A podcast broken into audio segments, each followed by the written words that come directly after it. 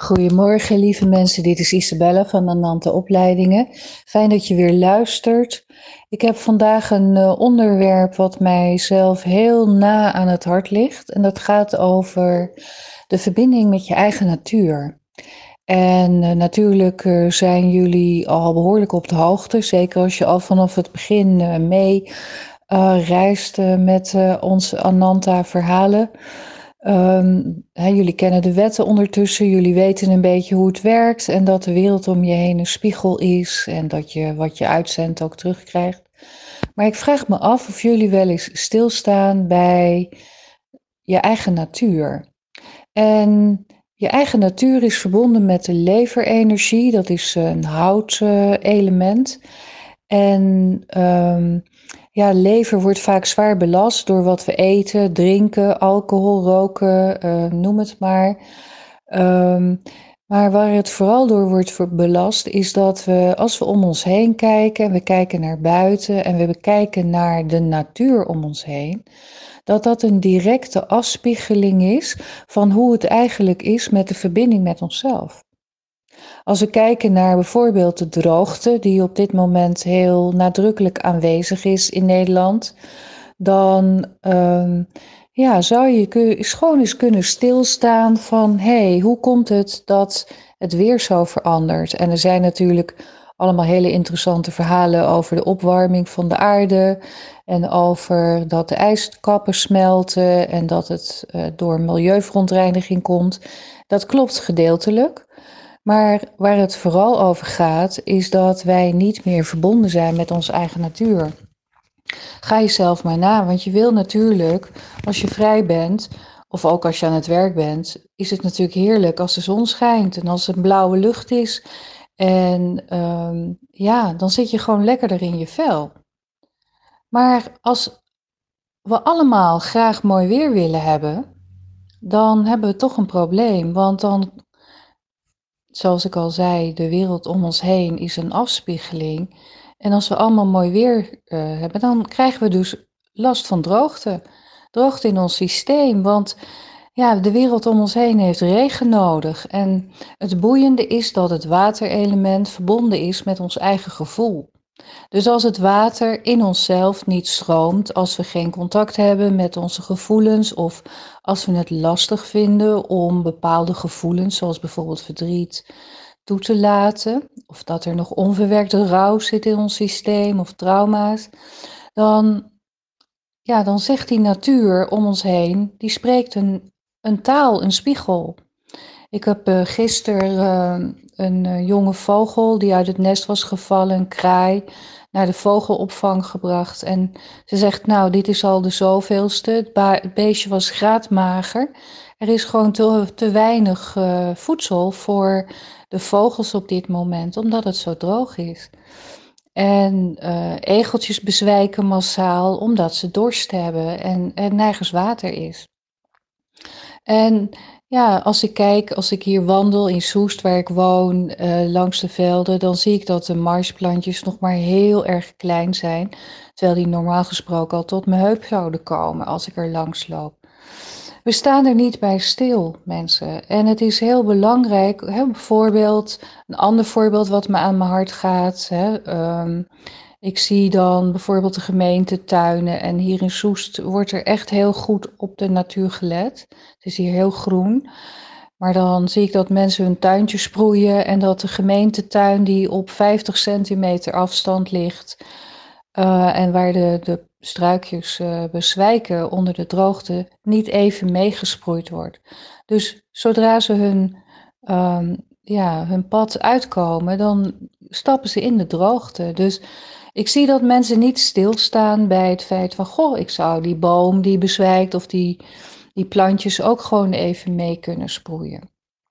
Want op het moment dat je uh, betrokken bent bij de natuur om je heen, gaat de natuur ook tot leven komen en ga je steeds meer dingen zien.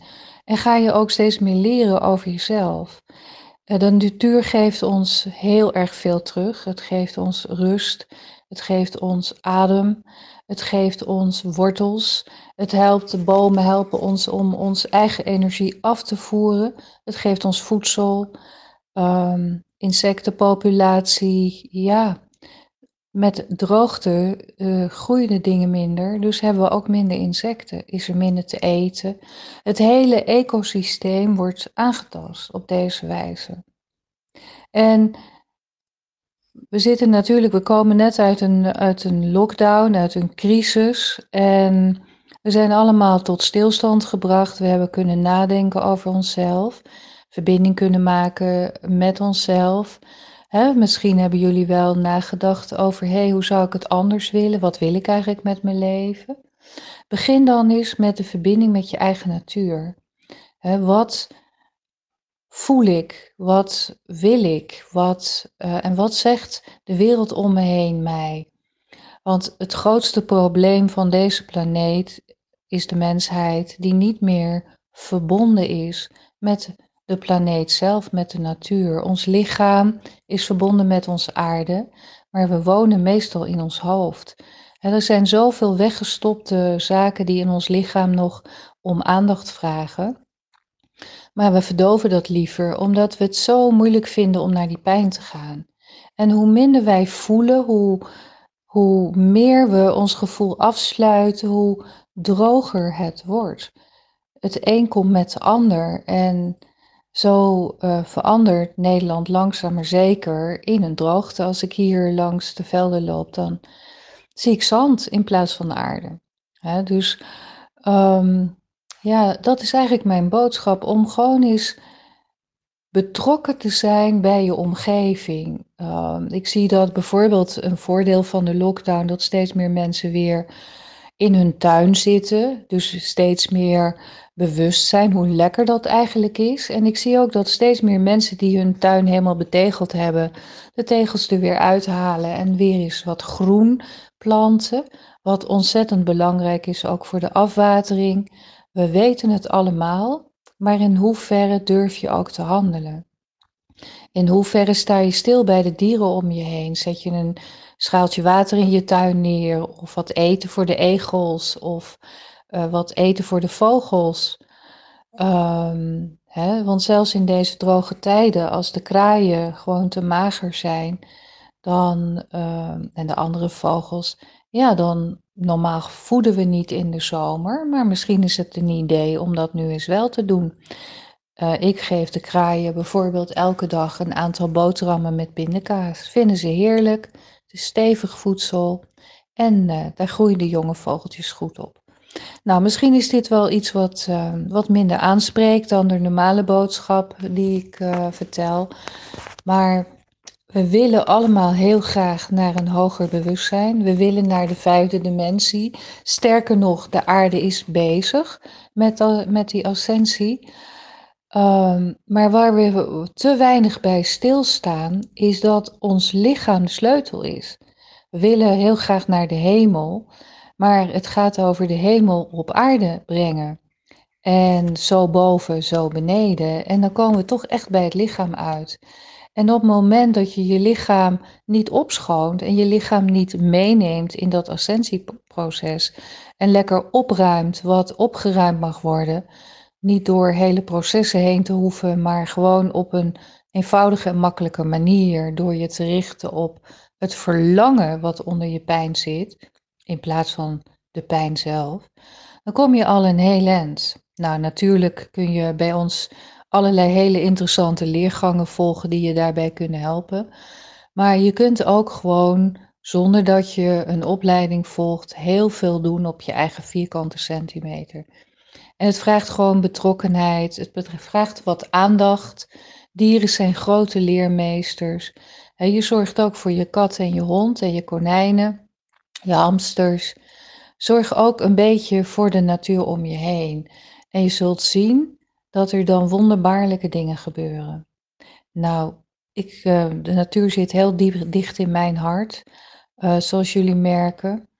En mede door de vogels gisteren en hè, de egels die ik zie, um, ja, dacht ik, ik ga, ga, toch gewoon even mijn hart op de tong leggen en ik spreek het gewoon uit. heb aandacht voor je omgeving. Geef een boom die nog jong is even een extra emmertje water. Uh, ook al staat hij in de gemeentetuin. Dat soort kleine dingen, als je dat met elkaar doet, dan uh, houden we de omgeving groen. En waar het groen is, is het koeler. Dat weten we ondertussen. Nou, heel veel succes mensen. Dank je wel weer voor het luisteren. En uh, ja, ontzettend bedankt alvast voor de, aan degene die, uh, die hier uh, hetzelfde voelen en heel graag hun bijdrage willen leveren aan onze mooie planeet. Dank jullie wel weer. Doeg!